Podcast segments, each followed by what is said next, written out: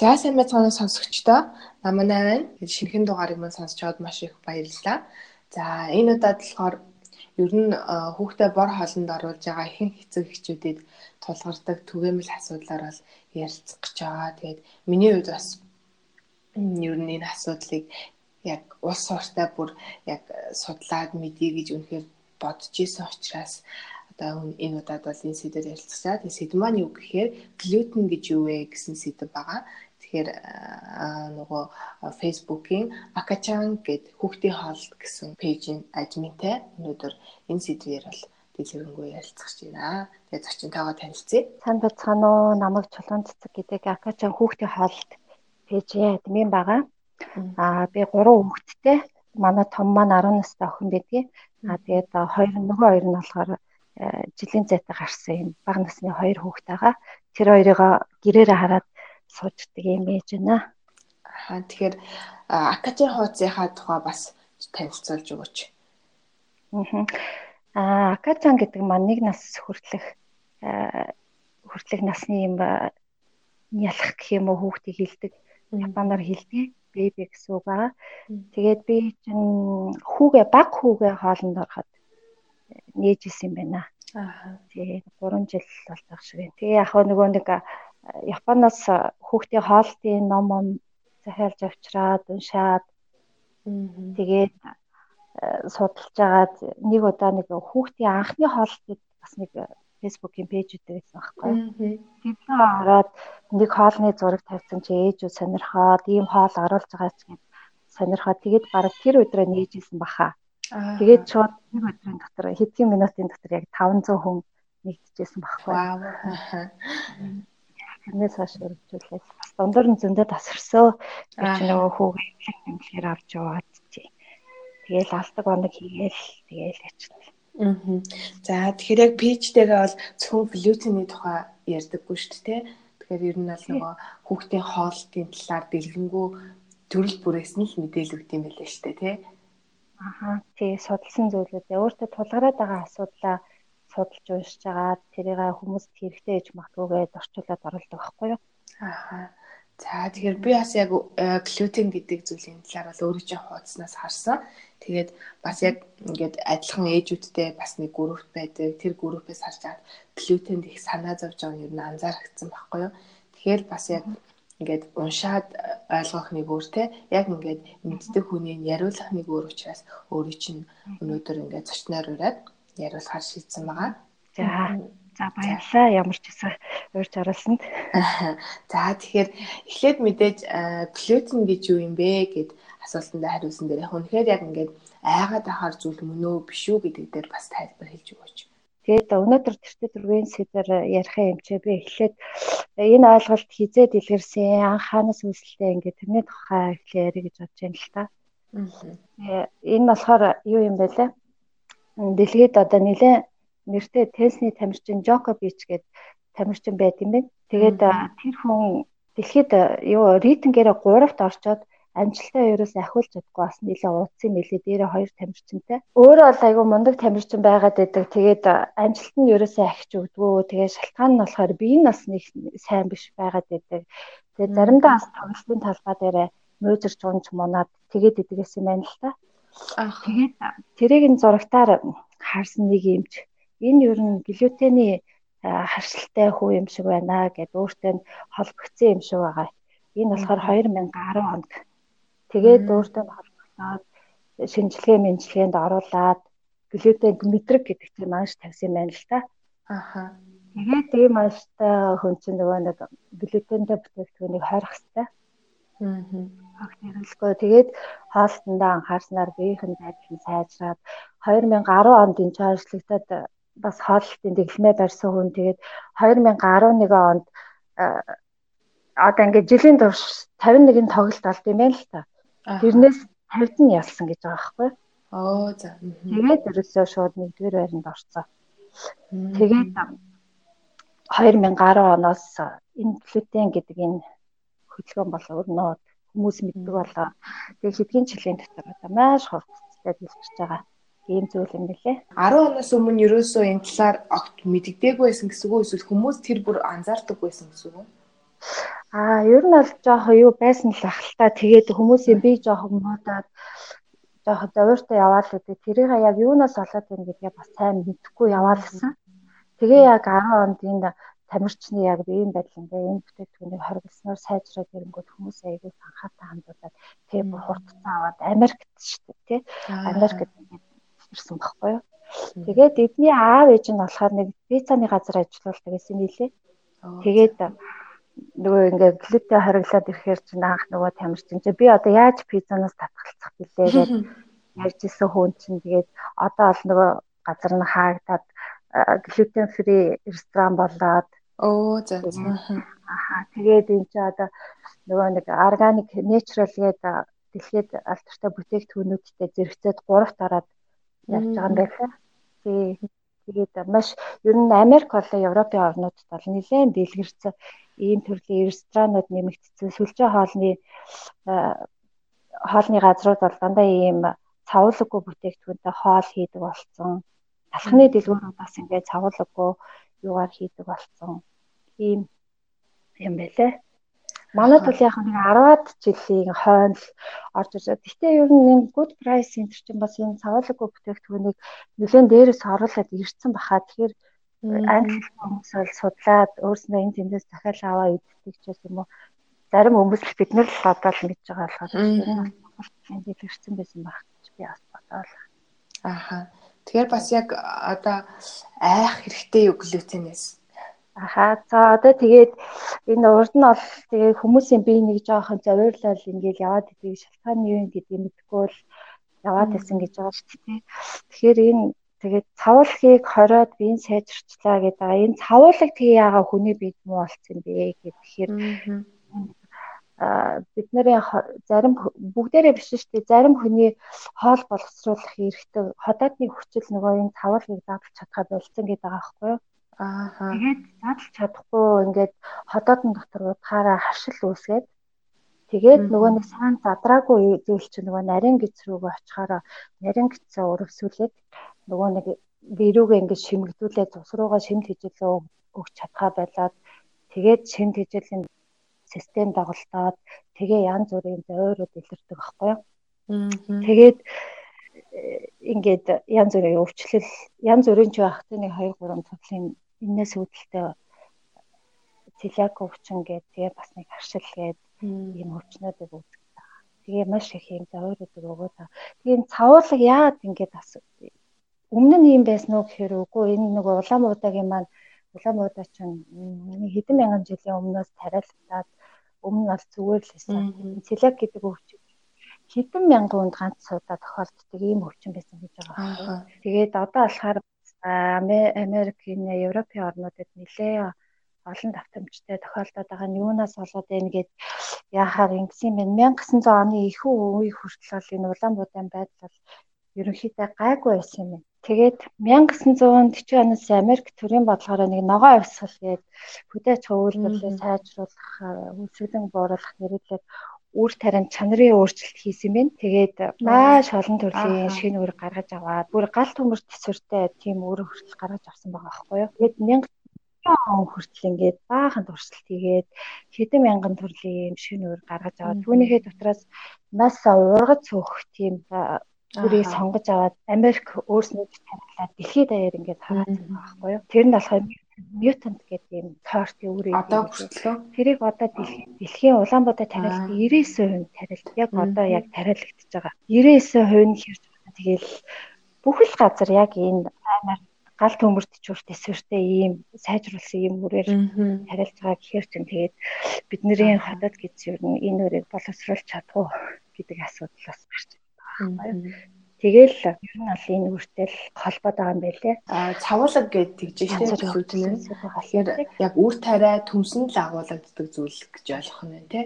А за цавуулга гэхээр ерөнхийдөө Улаанбуудаа гэдэг байгаа энэ төрлийн үр тарианд агуулгаддаг. Тэгэхээр эхлээ Улаанбуудаа орно хөх тариа 10 а нөгөө хүч будаанд орж ийн шар будаа хүртэл глютентэй байна. Тэгээд цаас томс ногоо бол ерөөсөө ямар ч глютен байхгүй. Хүнсний нэмэлт байц гээд одоо хадгалалт уртсгах муутахаас сэргэлсэн юм нэмэлт бодисуудад авах. Тэгээд гоо сайхны бараанд бас орд юм билээ бүтээгдэхүүн. Тэгэхээр одоо гоо сайхны Монголд гаргаж байгаа шинэ савн маунж глютенгөө, цавуулаггүй гэж бичээстэй гараад ирсэн.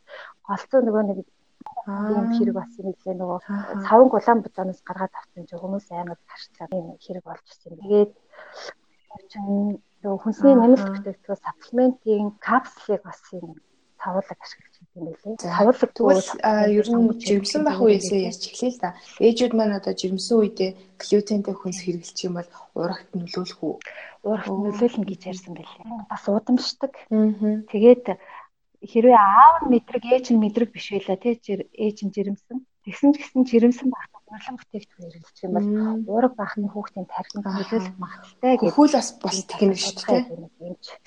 а хүл хүн нөгөө нэг гуйл хийдтэй хүүхдийн нүрээр ингээм амар тууралт хараад хэрвээ глютенд мэдрэг хүүхэд авах юм бол ямар ямар сөрөг нөлөөтэй за эсвэл өвчнийхэн шинэл тэмдгүүд нь ямар хуу илэрдэг юм бол? Аа за глютенд мэдрэг хүүхдэд илэрдэг завар гэхээр ям нөгөө нэг салт нь ингээ өрөвсөн учраас шим тэжээлийн хангалттай шимэгдүүлж чадахгүй учраас шим тэжээлийн юунд орно дутагталд орно.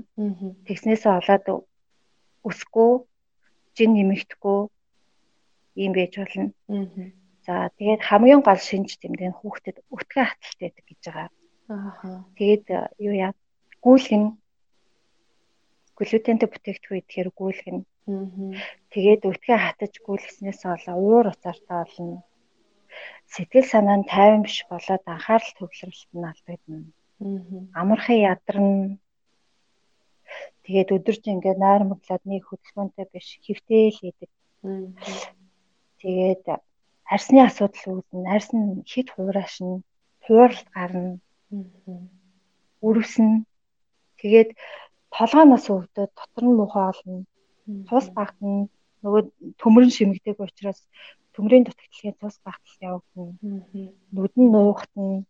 Хамар нь үрвснэ бас ингээд даарад идэг болдог. Бас уушгинд асуудал үүсдэг гэсэн.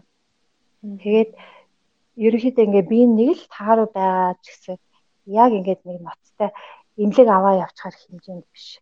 Тиймэрхүү шинж тэмдгүүдийг үзүүлдэг. Тэгэхээр яг э, ямар цэляк болон мэдрэг гэсэн тийм Энэ хоёр өвчин нь тэгэхээр яг ямар учиртай глютенд мэдрэг хүүхдэд мэдлгүй явж байгаад ингээд урт хугацаанд хэрвээ глютентэй хүнс өгсөн бол энэ өвчнүүд нь шууд илэрх үү эсвэл ямар ямар сөрөг нөлөө мэдрэгдэх үү?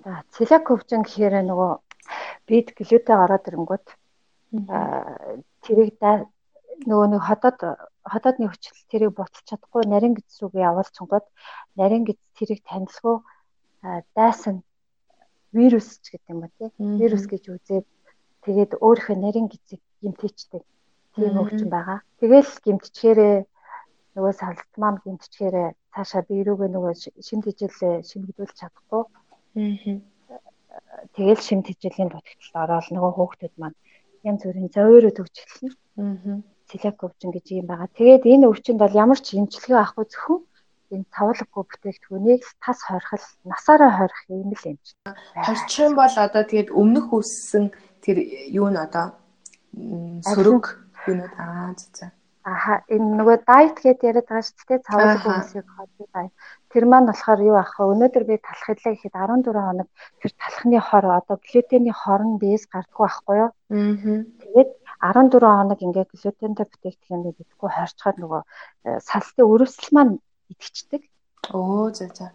Тэгээ идэхээр нөгөө шимд хижээлээ шимэгдүүлээд тэгээ биеийн хэрэгс сэргийдэрдэг байхгүй. Хэрвээ целиак өвчин нотлогдсон бол насаараа харах тийм юм байгаа. Тэгээд энэ өвчнийг бол э, Европын орнуудад ажиллаад байгаа юм билээ. Монгол тэгээд барууны орнуудад ажиллагдаад ирсэн хүмүүс энэ дайта игээд амьдчихэд тийм хүмүүс бас нэлээд байд юм билээ. За целиак өвчин гэж ийм өвчин байгаа. Глютен мэдрэг ч бас байгаа. Тэр нь болохоор яг энэ целиак шиг хүнд хэлбэрийнх биш мөртлөө глютенд бас мэдрэг. Тэгээд явандаа бол глютентэй бүтээгдэхүүнийг хэрэглээл яваад хахаар гидс нь бол бас л адилхан шархалдаг юм юу байгаа. Тэгээ тэгээд зовиорууд нь ч гэсэн ерөнхийдөө адилхан. Тэгээд анхаарал төвлөрөлт муудна, толгой өвдөн, сэтгэл санаа докторгүй болгоно, докторгүй болно, гүйлгэн нүтгэн хатна, тоол болох системийн асуудал үүснэ гэдэг. А целака өвчний нөгөө нэг юу нь болохоор илэрдэг зовиорууд энэ төр нь болохоор арай ноцтой. Жишээлх юм бол эмэгтэйчүүд эмэгтэйчүүд дээр ихээр чинь сарын тэмдэг өвдөлттэй иргэн ирнэ цаашлаад бүр өргөдөл үүсгдэг ийм юу байгаа. А тэгээд хүүхдүүдээ ихээр чинь нөгөө нэг хит хөдөлгөөнд хөвчин аутизм бас үүсгэх шалтгаан болдог байхгүй юу. Тэгээ бүр хорт хавдарч үүсгэн энэ бол нэлээд ноцтой. Яг целиаковчин гэж онцлогдох юм бол бас нэлээд ноцтой. А мэдрэг гэх юм бол бас наан мэдрэг гэдгээ өөрөө нөгөө нэг цавил тавиулаад мэдээд яг хэлбэртэй хэсгэнэ хараа явах юм бол их хайртай ноцтой биш. Аа. Одоо ингээд жоохон хүүхд дээр чинь биеийн сүлдэж, за толгоо өвдөж гэдэг юм уу. Тиймэрхүү юунуудыг чинь өөрөө илэрхийлж чадахгүй штэ. Тэгтэл одоо ингээд гүйлэж чинь ч гэдэг юм уу. За ингээд биеийн сулбуураа гэдэг нь хөвчлэн ингээд өөр өвчний шинж тэмдэгтэй адилхан учраас хэрвээ бүр ингээд хилд ороогүй өөрийгөө илэрхийлэх чадваргүй тийм жоохон хүүхдтэй бол яг ямар шинж тэмдгийг илүү барьж иж энэ хүүхэд глютентэй глютенд мэдрэг юм шиг байна да гэдгийг мэдэх боломжтой бол. Аа хүүхдэд бол хамгийн гол нь үтгэн хаталтай байдаг гэсэн. Аа. Гүйлэлт үтгэн хатал. Тэгээ нь хатаад хотод хоол олсруулах эрхний талаас жоох асуудал өгöd ах юм бол нэг шинжилгээ өгөөд үзчихэд бас гэмгүн бэлээ. Ааха. Манай дээр авдаг. Ааха, манайд нэг евро стандарт гэдэг нэг бөмбөрийн тэнд нэг лаборатори лаборатори байгаад шиг юм байна. Тэнд хүмүүс хүүхдээ сүлээ хэмжлүүлээд нөгөө ихнийхээс хоол боловсруулах нөгөө тасаг байд юм ин тэнд хөвчж байгаа хүүхдүүдээ голцоо тийшээ явуулаад шинжилгээнд хамруулад тэгээ ихэнх нь ер нь глютений харшилтай гэж гараад байгаа юм шиг үлээ. Аа зөв зөв. Тэгээ энийг хороод тэгээд байгаа юм байна. За хүүхдээ бор хоолнд оруулж эхлэхдээ бас юу юун дээр анхааруул зүгээр л одоо глютенгүй хүнс гэхээр сая уул нэрлсэн л дээ тий. Гэхдээ бас яг ингээд хүүхдээ бор хоолнд оруулъя гэж бодож ивэл энэ дээр илүү анхаараарай гэж зөвлөх зүйл байвал хэлж өгөөч. Энэ Норвегийн судалгаа хийсэн. Ааха. Тэгээд нэг 107 мянган хүүхдийг хамруулад Тэрнээс 324 хүүхэд нь юу яасан юм бэ? Телаг бишээ мэдрэг гарсан билээ. Аа. Тэгээд энэ хүүхдүүдтэй бас ингээд дахиад гүнзгийрүүлсэн судалгаа хийсэн чинь 6 сараас доош хоолнд юу Улаанбуудаг хоолтонд нь хэрэглэсэн хүүхдүүдийн телаг өвчин тусах риск нь эрсдэл хайрцангуй бага байсан. А 6 сараас хоошоо глютентэй бүтээгдэхүүнийг өгсөн хүүхдүүд бол бас нэлээд өндөр хувьтай гарсан билээ. За манад болохоор одоо 6 сартаа хоолнд оронгууд цагаан будааны цэстэн тэгээ бэлэн тийм сериал их үгээд байгаа. Тэгэхээр энэ сериал бол жинхэнэ энэ юу цэлек өвчнийг үүсгдэг. Тэгэхээр аль болох гэртээ цэстэнгаа бэлдээд өгөх За цагаан будаан тухтаад ирэнгүүт нь ногооны цэцэн өгдөг шүү дээ. Ихтэй өтгөрөх маягаар жохон улаан будааны гурилнаасаа хийгээд ер нь өтгөрүүлэхэд гурил хэрэгэлдэг шүү дээ. Тий хэрэгэлдэг. Эсвэл нөгөө цагаан будаагаа агшааж агаад блендертэй төтгөрүүлчихдэг тий. Аа. Тэгээд тэр дутангаа өтгөрүүлэх маягаар улаан будаан гурилнаасаа жохон хийгээд өтгөрүүлээд өгдөг ч юм уу. Тэр маягаар 6 сараас нь улаан буудаг жоохон хоолндоо ингээд оруулаад явах юм бол бас жоохон дархлаа тогтоогоод тэгээд энэ телек өвч тусах эрсдлийг бас жоохон багасгаж болох юм аа гэж бодоход байна. Яг хоо манайх ч нөгөө глютентэй гэдэг мэддэг ч хүн байдаг, мэдгүй ч хүн байдаг. Тэгээ одоо ингээд сонсчоор ер нь ол өгч болохгүй юм байна. Аюултай байна гэдээ ойлгочод байгаа ах тий. Ааха харин тий. 6 сараас нь хоолнд орохоор нь тэгээ баг багаар зутанд нь өтгөрүүлэх маягаар хийж өгөөд тэгээд тасгай явуул бас болох юм болоо гэж энэ судалгааг уншаал гисэн. Аа тэгэхээр яг глютенд хэрвээ мэдрэг биш бол глютентэй хүнс хэрэглэхэд бол ямар ч аюулгүй гэж ойлгох ойлгох нь тий. За ер нь сүүлийн үед дэлхийн нэг хоолтын чиг хандлага болохоор урилыг бол ер нь итгэс татгалздаг болчиход байгаа тий. Тий. Үр тариа. Үр тариа тэр нь дундаа цагаан гурил. Тэгээд бүхэл бүрийн гурил байсан ч гэсэн ер нь ийм цав юу нүүр сусыг бол ер нь айгу хэрэглэх нь багасчаад байгаа шүү дээ. Тэгээ эрүүл хүн байсан ч гэсэн эрүүл мэндэ бодоод бас гурилыг ер нь нэлээ багасгсан хүмүүс ер нь зүйлээ байгаад байгаа л та. Тэгээд ер нь одоо энэний дараа хоёлаа дайт яриад ирэхээр хүмүүс бас хэрэглэх үү яах уу гэдгээ шийдэх бах тий. Аа. За харж болохгүй ямар ч юм баг багаар тасгаад уг нь харшил гэдэг чинь харшлаг эмчлэл ер нь хоёр л аргасан байдаг байхгүй юу? Нэг нь болохоор тас хорих, нэг нь баг багаар өгч тасгасаар байгаа дархлаа тогтоох. Тэгээ манай монголч угаасаа гурил мах хоёроо л идэг бороо юм чинь. Багаас нь тэгээ тасгацсан зүгээр ах гэж би бодоод байгаа. Аха. За тэгвэл дайетийнхаа тухай яриа тий. За тий. За глютен фри дайет гэдэг глютентэй бүтээгдэхүүнийг хордог юм дайет гэдэг. Энэ болохоор эмэгтэйчүүдэд илүү үр дүнтэй гэд бичигдсэн байлээ. Яа тэгэхээр нөгөө нэг жин хасдаг сахар өөх тосыг бууруулцдаг, арсны асуудлыг шийдээд өгчдөг, бас хашлыг хийдэг. Тэгээд би өөрөө бас энэ дайтыг дараад нэг 4 сар гарan болж байна. Одоо бараг 5 сар болох гэж байна. Өө за аха.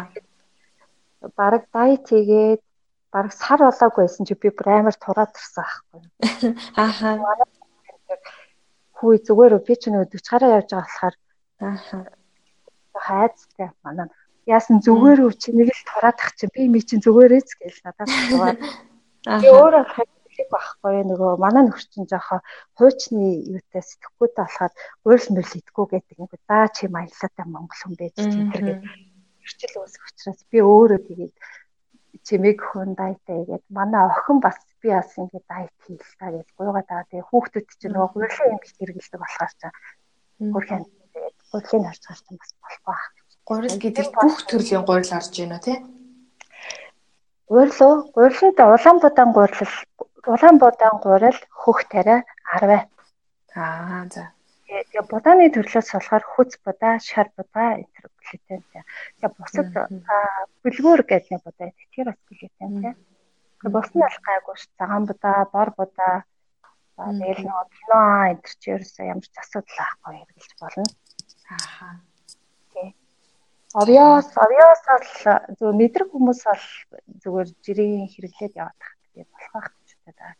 Яг өөрт нь бол гэхэд агуулгаддаггүй мөртлөө нөгөө нэг хураалт болон үйлдвэрийн нөгөө боловсруулах дамжлах тэрний үед нөгөө глютен холилдсон байх магадaltaй учраас цэлэг хөвчтэй хүн болох ерөөсөө болохгүй.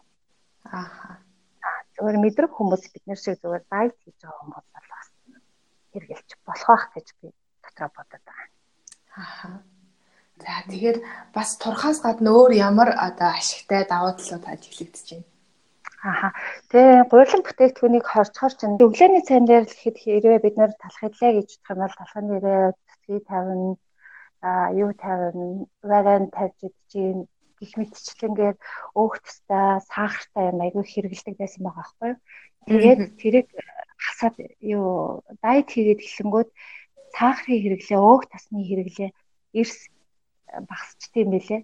Тэгээд нөгөө нэг торт, морд, бичээ мичээ юу ч идэхгүй болоод ирэхэр чинь тэр өөг тас сахар эрс багасаад тэнгуут аянда би ингээд ирүүлэр тураад ирд юм бэлээ. Энэ сахар марх чинь бас өрөвслийг ингээд урцдуулаад шин тэжээтэй таацлаад өөх тас чинь бас ингээд бид нөөцлөгдөө тархлуулаад ингээд болохоор энэ сайт бол үнэхээр үр дүнтэй байна л гэж бодсон. Би бол өөрөө жимийн хасан басна гэсэн ямар ч юу байгаагүй.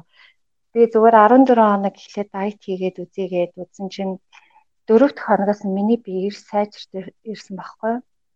Яасан гэхээр миний хуяа айгу хөөрдөг гэсэн. Би нөгөө хоёр хүүхдээ өөрөө ганцаараа тэрээ өсгсөн чинь хуяа амар хөөрдөг. Тэгээд даах айгу нөгөө төрсний дараа тэгээд толгой амар өвддөг. Нөгөө хуянгаа дагаа толгой амар өвддөг. Тэгээд айгүй ядраад идэг юм байсан. Тэгсэн чинь хүн өөрөө дөрөвт хоногоос айгүй сайхан болж ирээд Тэгээ 14 хоног барьсан чинь толгой молгоо ерөөсөө өвдгөө болоод айгүй хөнгөрөөд тэгээд сэтгэл санаа айгүй цаахан болоод нөгөө нэг акача хүүхдийн хоолт бизнес дээр ажиг пост мост тавьдаг болоод ааха өөрчлөлт аюу яг иймэрхүү өөрчлөлт гардаг гэж хүчигдсэн байсан л та. Гэхдээ даралтны талаар юу ч хурцээгүй. Миний хувьд бол нөгөө хувинтайгаа холбоотой муу яасан. Даралт аюу гоё тэнцвэрчээд тэгээд ирсэн. Огт ингээ бас хорхон байна те. Одоо ингээд өдөрт бид нар чинь гурлыг юм айгүй хийддэг штэ хоол хоорондын зайд. Тэрийг одоо юугаар орлуулах вэ? Аа тий. Гурлыг бол ямар ч хэлсэн орлуулах хэвээр. Тэгээд би нэг Япон их сурвалжаас уншдаг болохоор цагаан будааны гурилаар панкейк энтер хийгээд ид цагаан будаагаар нэг ирээгээд нэг бөмбөлөг шүү дээ. Будааны бөмбөлөг тэгэл айгуух гисэн байдаг л да. А тэгээ би энэ Монголын нөхцөлд яаж юм гэхээр нөгөө глютенгүй үр тарианууд байгаа шүү дээ. Тийм. Тэгээ глютенгүй obvious гэж good price-аас авсан байхгүй. Тэр ояа тэгэл нөгөө гурвалжин будаа гурвалжин будаа ч глютен байхгүй шүү дээ. Гурвалжин будаа цаашаас глютен байхгүй. Тэгээд цагаан будаа эднэрийг ингээ ээлжлээд хоёр хүүхдтэйгээ цуг чанаад дээрэс нь хүүхдийнхаа формулагаас нэмээд ингээ өглөө идчихдэг. Тэгээ араас нөгөө нэг үзэм э, янз бүрийн самарнууд тэгээд хатаасан жимснээс ингээ жоох идчихэр өглөө аягүй сайхан хөнгөө холцдог байхгүй юу. Аа. Ерөөсө хотод нь юм ачаал ирэхгүй аягүй гоё хөнгөн. Тэгээ бид гөр өглөө холцдог. За тэгээ өдөр болохоор э, нөгөө нэг будааны төрлүүдээс глютенгүй будааны төрлүүдээ хоолыг идэж байна. Өдөрт нэг удаа будаа аа тэгээд дараагийнх нь хоолнд глютенгүй гоймон гэж гадуур байгаа. Спагетти бай, зүгээр гоймонгууд бай. Бориглоор зарагддаг юм билээ гайгүй бүгдхаа. Тэгээд энэ гурил маань болохоор нэлээ үнэтэй. Бараг 29 30 мянга гэдэг аахгүй 1 кг. Ааха. Тэгээд гурлаа яах вэ хэдийг аваад тавьчин тэгээд тэргээр хоол хийх гэж бас хэцүү нөгөөд чи цавуулаггүй болохоор юу яах вэ аа наадаж аа тэгээд монгохгүй амар хэцүү тийм болохоор би бас нөгөө гурилнаасаа татгалцаад хүмүүс талхмалах дайраа л идэлх шүү тий би нэг хэдэн бичээ мичээ хийгээд тэрийг хөлтөөгөө тавьчтэй тэгээд тэрнээсээ хаяа гэдэг ч юм яадаг чи тиймэрхүү маягаар. За бид нар бол ингэ болоод байгаа. Тэгээд би чи анх нөгөө нэг хүүгээсээ олж энэ зүйлийг судалсан хүн шүү дээ. Тэгээд би маань баас матаад бас жоох ингээд ядраад хийвтэй. Тэгээд харна энийг судлаад ясан чинь нөгөө нэг хорих стай тий дайет хийх стай. Тэгсэн чинь манай хожуу 3 хүртлээ ямар ч дайет хийхгүй янз бүрийн бичээ мичээ идэл ингээд сурцсан хөөхтэй. Дайет хийх гэхээр миний нөгөө гурилнаа гурилаар хийсэн бичээ мичээнийг ерөөсөө идэж өгөхгүй амт нь муухай байна гэд. Аа Тэгээд жоохон тэгээд хаана өөрхөө иддэг э, нөгөө глютенгүй гоймон аваад тэргээрээ нэг удаагийнх нь хоолыг аргалаад тэгээ өдөр нь болохоор бүгдээ глютенгүй будаагаар хоолоо яагаад өглөө нь болохоор бас глютенгүй юм каш чанч игээд ингэсийгээл ерөнхийдөө бичээ мичээний жоохон мартуул хийгээд тэгж байгаа яг глютений ортос 20 доо гэж бодоол тэгээл байж байгаа хүүхдээ бас амттай юм дуртай болохоор ч юм жоох хэцүү шүү дээ. Тий. Бас ордоос хорих чинь тий. Манай хүүхд бол одоо бас ордоос хорих хэрэгтэй юм шиг байгаа. Жоох өтгөн хатаад. Миний хувьд бол ер нь асуух асуултууд маань дууссан. Тэгээд өөрийн чинь зүгээс бас яг ярих гэж бодоод үлдсэн зүйл байвал одоо хэлж байна. За тэгээд энэ дайтыг амжилттай яаж хэрэгжүүлэх вэ гэдэг дээр иймэрхүү юмнууд хэлж болох юм. За гурилыг бол өөр хөлсөөр яалтчгүй орлуулахгүй орлуулж нөгөө цардуулаа авах хэрэгтэй. Аа. Цардуулч бас бидний бие хэрэгтэй саах тархийг ажиллуулж өгдөг тийм. Тэгэхээр амбудаа ч юм уу өөр үүр тариагаар цардуулаад хэлшгүй авах шаардлагатай. Тэгэхгүй бол шимт хэмжээний нутагталд орчдөг. Аа. Тэгэхээр за өөр үүр тариагаар орлуулаад цардуулаа авч болж байна. Талаад чимсгээ бас ихсгэх хэрэгтэй. Ногооны шүлгүүд уух хэрэгтэй. Өндөгтөө ол бас төлхөө хэрэглээрэй гэсэн мэт. Тэгээд хугацаа бас нэг тогтоочоод эхлэл зүгээр байдаг. Эхлээд бол 14 хоног дарж үзээд тэгээ хэрвээ тажгүй миний би сайжирч гин цаашаа бас ингээ барай явъя гэдэг юм сунгаж олно. А хэрвээ ерөөсөө тохирохгүй гурлын юм идэхгүй ингээ байх надад айгүй хэцүү юм гэдэг юм бол бас болоод жирийн амьдралд орж болно. Яг цаас татаад бол бас зүгээр байдаг. Дараа нь бэлтгэлээ сайн хийх хэрэгтэй байлээ. Хэрвээ ингээ гурил мүлээ бэлдээгүй, гомингоо бэлдээгүй ээж зүгээр гурил идчих юм бол нөгөө 14 хоног барих гэжсэн үн чинь 10 дээрээ нөгөө зүгээр гурлаа идчихвэл ямар ч хүрдэнгүй эргээл толгойн өвдөл эргээл хэлэх байхгүй. Тийм болохоор бэлтгэлээ нэлээд сайн бодоагаад тэгээд дайет хийхэд нөгөө Монгол хүчин талхай эдмээр санагдаад борцгой эдмээр дайет маань үр дүнгүй болчих гэдэг. Тийм учраас бэлтгэлээ сайн базаагаад нөгөө глютенгүй гурилбудаага ахиугаа аваад тавьчих. Тэгээд тэргээрээ нөгөө бичээн талхмалхаа бариад тавьчихдаг ч юм уу. Тэгээд хажуугаар нь амттан амттангуудаа бас бэлдээ тавьчихвал зүгээр идэв самар хатаасан жимс нэмс нөгөө 70 байс биш юутай каконы найрлагатай шоколад метлад бол асуудал ахгүй идэж болно. Тэрийг тэрийг бэлдээ тавь тавиад ногооны шүүс мөсөө бэлдэж тавиад ингээд котлет котлета бэлдээ тавьчихвал бас зүгээр идэв. Хуушаар идмээр санагдсан котлета идчихвэл бас зүгээр. Тиймэрхүү маяг бэлдээ тавьчихвал зүгээр.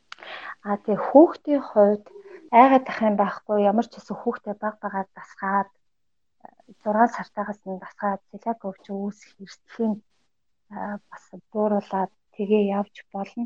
Гэхдээ хэрвээ юутай глютентэйг айгаад өгөхгүй хойш хугацаанд хойшлоод авах тусмаа хүүхдийнхээ цэлэг өвчөнд эсхийг нэмжих учраас айлгүйгээр 6 сартаагаас нь баг багаар дасгаад ингээд яваарай гэж зөвлөмөр байна.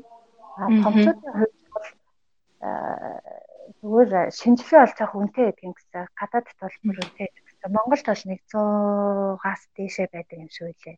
Тэгээ шинжилгээ өгч болно. Өгөхгүй бол зүгээр 14 хоног дайет хийгээд бие чинь батлахыг сайжирч ах нь бол дайтаа үргэлжлүүлээд явж болно. Хаяа нэг 14 хоног дайет хийгээд гидсэн хэрвээ салт нь өрөвссөн байх юм бол 14 хоног дайет хийчихэд нөгөө салтынх нь үргэлжлэн намтчдаг гэж байгаа байхгүй юу? Тэгээ намтаа хаяа бариад явж болно. За. За маш их баярлалаа. За тэгээд өстой хэрэгтэй мэдээлэл өгсөнд цаг гаргаж ярилцсанд маш их баярлалаа. Зөвлөх явж оролцуулсан баярлалаа. Дандаа мундаг ээжүүдийг урьж оролцуулт юм билээ. Тэгээ гэртээ сууж байгаа болохоор би бас танай юугаар орж сонсдог та гэртээ сууж байгаа хүмүүс яаж орлого олох орлого олохыг хэрэгтэй юм байдаг. За тэгээд манай сонсогчд маань хэрэгтэй мэдээлэл авсан гэж бодож байна. Тэгээд дараагийн дугаараараа эргээд уулзцгаая. Баяр таа.